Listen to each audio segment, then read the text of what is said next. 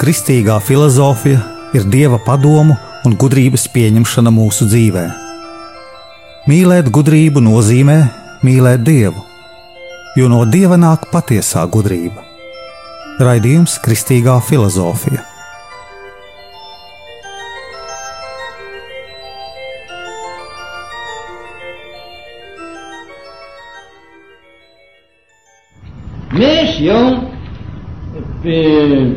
Pakavējamies arī pie mūsu disciplīnas saturā, programmā. Kāda tā ir programma? Kāds tad ir saturs? E, kā teicu, e, pēc ievadu meklējuma mēs e, uzstādīsim filozofiski sistemātiskās e, e, religiozās e, būtības problēmu. Un dosim tūlīt mazu atbildi, īsu atbildi, bet tā kā īsa atbilde nav pietiekoša, tad mēs to izveidosim tālāk. Pirmkārt, saistot reliģijas filozofiju ar daudz plakšnīgā humanizma filozofiju. Ar daudz plakšnīgā humanizma filozofiju. Jo mūsu laikos cilvēki runā par humanismiem un humanismu vārdā atmet reliģiju.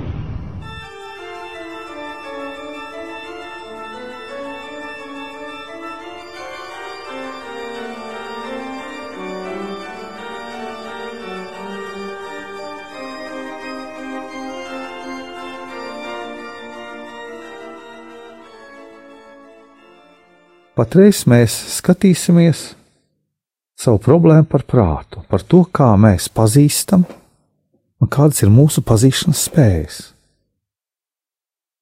Kādas attiecības prātam ir ar reliģijas filozofiju? Mēs jau redzējām, ka runājot par Dievu, mums ir pazīšanas iespējamība. Tā ir prefilozofiskā un filozofiskā. Lai izskaidrotu šo iespējamību, ir jāgriežas pie prāta spējām pazīt patiesību, un arī pie kontingences manifestācijām.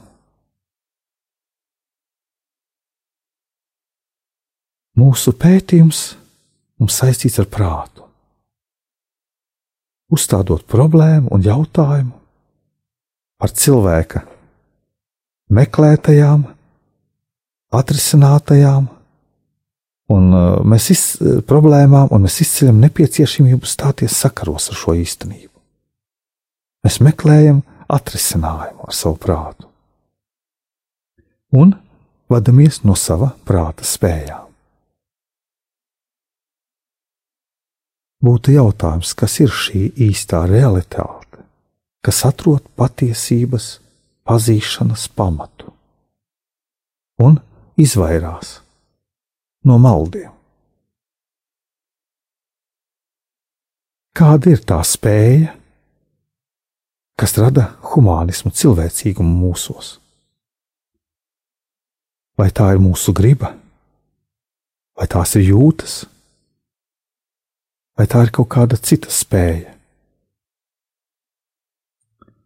Uz to var atbildēt, ka šī spēja, kas rada filozofisko kopību par cilvēkiem un savieno visas šīs vērtības, ir mūsu pašu cilvēku prāts. Mūsu prāts, izdarot secinājumus, sasaista vērtības tās, kas ir pareizas un nepareizas mūsu prātu. Reizē mēs izvēlamies nepareizās un saprotam, ka šīs vērtības nav pareizas. Tas ir mūsu prāts, kas pasaka, šīs vērtības nav pareizas, šīs vērtības Dievs saka, ka mums nevajag pieņemt sevi. Humānismam ir dimensijas. Nu, mēs varētu sadalīt kā vienplāksnīgo, daudzplākšņaino humānismu. Ko nozīmē šīs divas dimensijas - vienplāksnīgā daudzplākšņainā? Tas nāk no geometrijas pasaules, ka pasaulē ir četras dimensijas, latīņu valodā - dimensija. Dimensija nozīmē to reālo viedokli, zem kura vai ar kuru priekšmetu mēs esam saistīti, ko mēs apskatām un raksturojam. Tā tad ir četras dimensijas. Ir augstums, platums, garums un laiks. Lai šis jēdziens mums būtu skaidrāks, mēs ejam pie geometrijas. Taču jums jāsaprot, ka geometrijai ir milzīga atšķirība no humānisma. Tas ir tikai skaidrojums, un tos nevar tā savienot, un es teiktu, pat jaukt kopā. Mūsu jautājums ir, kas ir tā spēja, kas rada šo īsto humānismu, daudzplākšņaino. Kā jau teicu, tās nav mūsu jūtas un mūsu griba, kas ir brīva griba dota no Dieva bet tas ir prāts. Mūsu domāšana, mūsu prāts mūs ved uz pareizo virzienu. Nedomājot, mēs piekrist varam dažādām ideoloģijām. Nedomājot, arī tautas vēlēšanās, mēs skatāmies ārējo. Mēs neiedziļināmies vēlēšanās, citreiz pat kādas partijas mēs vēlamies vēlēt mēs paskatāmies, kādas viņas ir ārēji. Bet vajag saistīties ar prātu, analizēt un izvērtēt. Mēs zinām, ka ārējais iespējas ļoti bieži ir mainīgs. Un ļoti bieži arī mānīgs. Pāvests savā grāmatā par korupciju atzīmē, ka ļoti bieži korumpēti cilvēki cenšas slēpt savu korumpētību, un tādēļ ārēji izskatās ļoti sakārtoti. Bet patreiz mēs runāsim par humānismu, tātad saistību ar prātu un ar gnozioloģiju. Tātad prāts ir saistīts gnozioloģiju un ar humānismu. Tāpēc jārunā par gnozioloģisko līmeni, gnozioloģisko dimensiju, kas ir visu dimensiju pamatdimensija.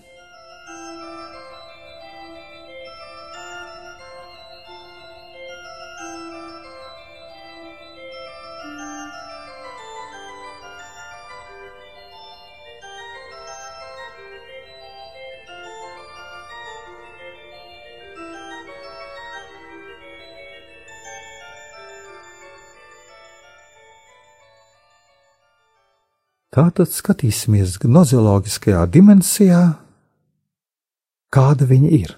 Viņā ir divas galējības. Pirmā ir tāda, ka prāts tiek ļoti uzsvērts. Nu, teiksim, mūsu gudrība. Un ka prāts nosaka pilnīgi visu. Tas ir filozofijas stils. Šī gnozioloģija radās ar Dekartu, kuru mēs zinām kā racionālisma tēvu. Dekarts mums uzsvēra, skaidro un izšķir to ideju. Tas, ko mēs skaidri zinām ar izšķirtību, pazīstams. Tātad mēs pazīstam vienu otru lietu, Un tātad, ja mēs to šķirojam, tās lietas ir reālas. Šī ideja ir patiesības kritērijs. Bet, diemžēl, nekā realismā un īstenībā. bet patiesības kritērijs ir. Dekarts atrāva gnozioloģiju no īstenības. Šī bija prāta autonomija, ka prāts ir neatkarīgs, un šī atraušana padziļinājās vēl tālāk ar kantu, kas mums Latvijā ir ļoti populārs. Tā ir vācu domāšana, un mēs zinām kanta darbu tīrā prāta kritika, kur pazīšanas objektu uztvēra kā paša prāta radījumu. Tātad pazīšanu kāds uzskatīja, ka mēs paši radām. Un šo prāta autonomiju un atšķiršanu vēl vairāk padziļināja abstraktā ideālismā Hēgelis. Abstraktais ideisms vairāk vajadzētu laikam teikt, jo tas nebija ideāls absolūtā ideālisma gnozioloģija. Gnozioloģijas doma un reālais ir tas pats pēc Hēgeļa. Ārpus domas nav nekā. Ir tikai doma, ir tikai ideja. Kāds tad rodas tas humanisms? Radušais humanisms ieslēdz cilvēku prātā saku ieslēdz tādēļ, ka pazūd kristīga cilvēka saikne ar reliģiju. Pazūd reliģija, jo reliģija nav prātā. Primitīvo jēdzienu par dievu un reliģiju, ka dievs ir visaugstākā būtne un nošķirta no pasaules, no kuras ir atkarīga pasaule, kas jāgodina ar reliģisku kultu, tas viss pazūd. Primitīvais jēdziens, kas ir katram cilvēkam un katrai reliģijai pirms Jēzus atnākšanas, jau bija pašsaprotams. Un racionālais humānisms sagroza un atmet šo reliģiju.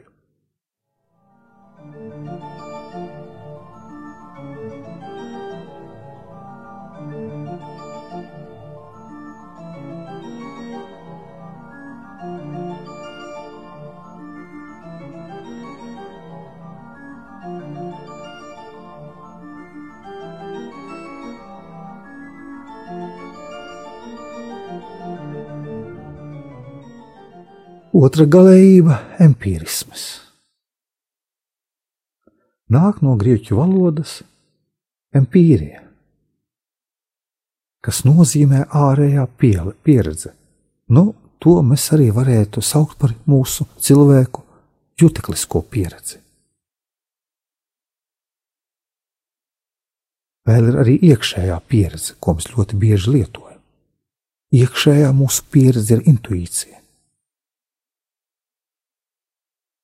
Empīrismā cilvēks paliek zem jutekļu un savu fantāzijas iespaidu, un ar diezgan lielām grūtībām paceļas pāri fantāzijai, pāri jutekļiem,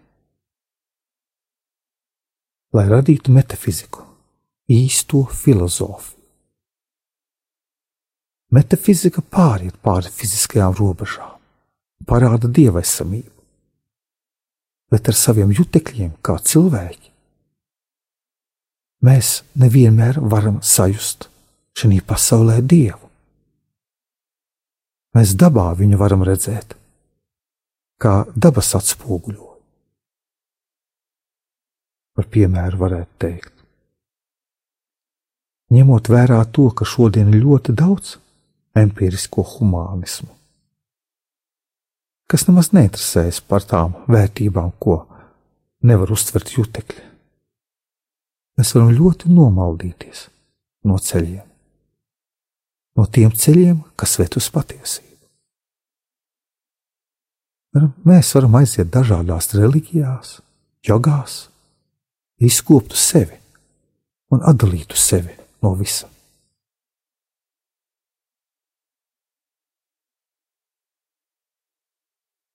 To visu var uztvert tikai prāts, ko nevar uztvert jutekļi. Empiriskais humānisms paskaidro sakropļotu humānismu. Viņš paskaidro pavisam sakropļotu, bet pat neteikt, ka paskaidro mums. Viņš paskaidro, ka tas ir sakropļots.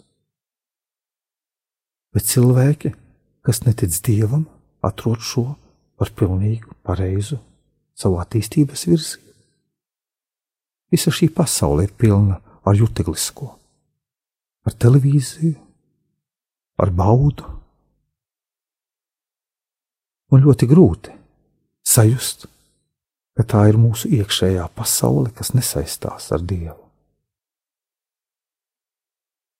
Empiriskais humānisms līdz ar to ļoti negatīvi iespaido cilvēku. Viņš atbalsojas reliģijā, un reliģija tiek iznīcināta. Tātad šīs divas galējības ir tās, no kurām vajag izvairoties, iz, eh, sasniegt patiesību, jo viņas sakropļo mūsu uztveri par reliģiju. No tām ir jābēg un jāatrod īstais ceļš, kas mūsos rada īsto, daudzplāksnīgo humānismu, saistītu ar mūsu garu un dvēseli. Kristīgā filozofija ir dieva padomu un gudrības pieņemšana mūsu dzīvē. Mīlēt gudrību nozīmē mīlēt dievu, jo no dieva nāk patiesā gudrība. Raidījums Kristīgā filozofija